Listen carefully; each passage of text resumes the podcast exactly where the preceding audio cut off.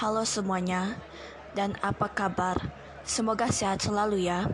Kami dari kelompok Naveria akan membacakan cerpen berjudul Keadilan karya Putu Wijaya. Ada suatu masa, ada saat banyak pedagang es pudeng dari Jawa berkeliaran di Bali. Mereka memakai kostum yang menarik dengan topi-topi kerucut. Gendongan es putar mereka desainnya cantik. Gelas-gelas kaca atau plastik ala koktail bergelantung dengan pudeng berwarna-warni. Kalau mereka lewat, anak-anak selalu memburunya. Kadang-kadang tidak untuk membeli, tetapi untuk mengemuninya. Pak Ahmad termasuk salah satu di antara anak-anak itu. Tanpa merasa malu, ia ikut berebutan untuk membeli es puding puter dan merasakan suasana cerianya. Bu Ahmad sampai malu melihat kelakuan suaminya seperti itu. Ada satu hari yang terik, sementara anak-anak di alun-alun menaikkan layangannya. Tukang es puding itu lewat. Pak Sersan yang di rumahnya sudut alun-alun berteriak memanggil. Anaknya merengek-rengek minta es puding. Waktu tukang es puding itu menuju ke sana, hampir semua anak-anak yang sedang bermain layangan menolehkan kepalanya. Yang punya duit langsung lari sambil menggulung tali layangannya. Tak terkecuali Pak Ahmad. Waktu itu, ia sedang perhatikan seorang juragan ayam yang sedang memandikan ayam-ayamannya. Ahmad meraba kantongnya lalu merasakan ada uang di dalamnya. Ia langsung ikut berlari ke rumah Pak Sersan. Jangan ribut, teriak Pak Sersan membentak anak-anak yang berdatangan itu. Ada orang sakit di dalam. Sabar, sabar, kata tukang es puding itu. Satu persatu semuanya nanti dapat. Aku dulu, aku dulu, kata anak-anak sambil mengancungkan uangnya. Aku dulu, teriak Pak Sersan marah. Pudengnya yang merah. Tukang pudeng agak panik. Ia mengambil pudeng berwarna oranye. Merah, teriak Pak Sersan. Tukang pudeng itu tambah gugup dan menyerahkan pudeng oranye. Pak Sersan naik naik pitam, ia menolak koktail berisi pudeng oranye hingga jatuh. Anak-anak ketawa. Diam, merah. Kamu tahu nggak merah itu apa? Ini merah Merah seperti matamu itu. Anak-anak tertawa lagi. Tukang es meraih satu gas koktail lagi. Tetapi sekali lagi ia salah. Ternyata ia meraih pudang yang warna hijau. Pak Sersan berteriak sekali lagi. Merah. Lalu ia mengambil koktail warna merah.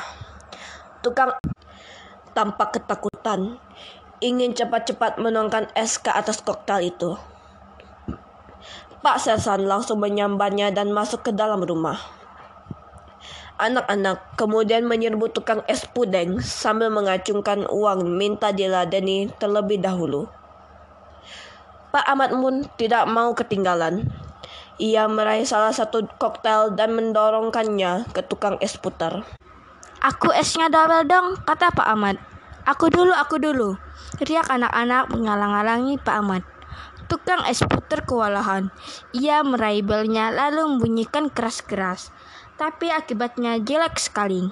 Pintu rumah terkuak lebar. Pak Sersan muncul sambil mengacukan pistolnya. Diam kalian. Aku sudah bilang ada orang sakit di dalam. Bukan saya pak, anak ini. Kata tukang es pudeng.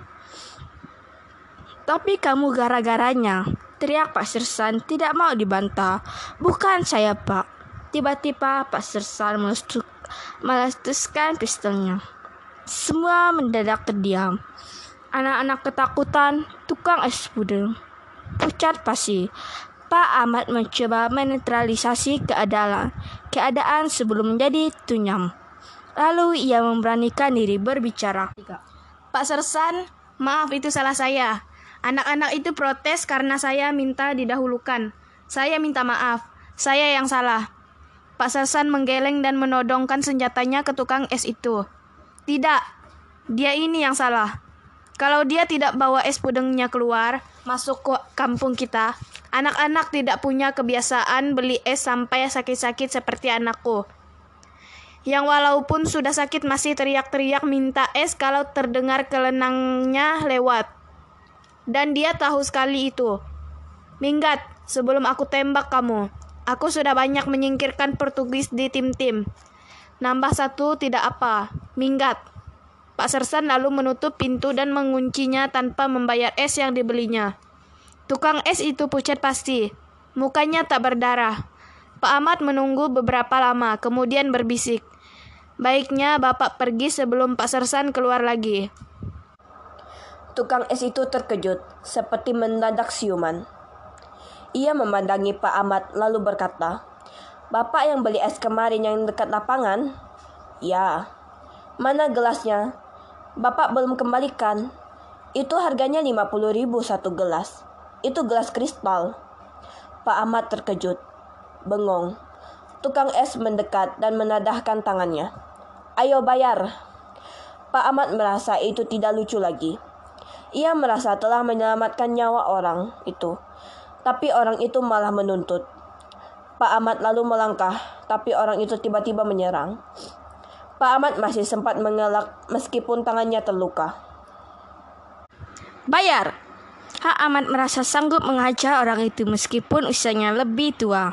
Semangat mati dalam pertempuran melawan penjajah tiba-tiba bangkit lagi. Tapi rasanya itu tidak sepadan dan tidak gaya untuk ber berhadapan dengan tuntutan keadilan hanya gara-gara tukang es yang kacau itu. Tanpa merasa takut sedikit pun, Pak Ahmad menaruh uang 10 ribu di atas salah satu gelas tukang es itu. Lalu, dengan perasaan ancur lebur, ia berbalik dan pergi. Siap menghajar kalau tukang es itu mencoba menyerangnya, tetapi tidak. Sambil menahan air mata, Pak Ahmad berjalan pulang. Belum sampai satu abad merdeka, citra anak bangsa terhadap keadilan sudah sangat berbeda-beda. Apa yang sedang terjadi dengan bangsaku ini? Bisik Pak Ahmad. Sekian dari kelompok kami, Naferia. Saya Veronica Nadine Chandrawinata beserta teman saya Natalia Narengen dan Yusria mengucapkan banyak terima kasih untuk untuk yang sudah mendengarkan dari awal sampai akhir cerita kami. Semoga kalian menyukai cerita ini dan bisa terhibur di akhir pekan atau kapan pun saat kalian mendengarkan cerita yang kami bacakan tadi.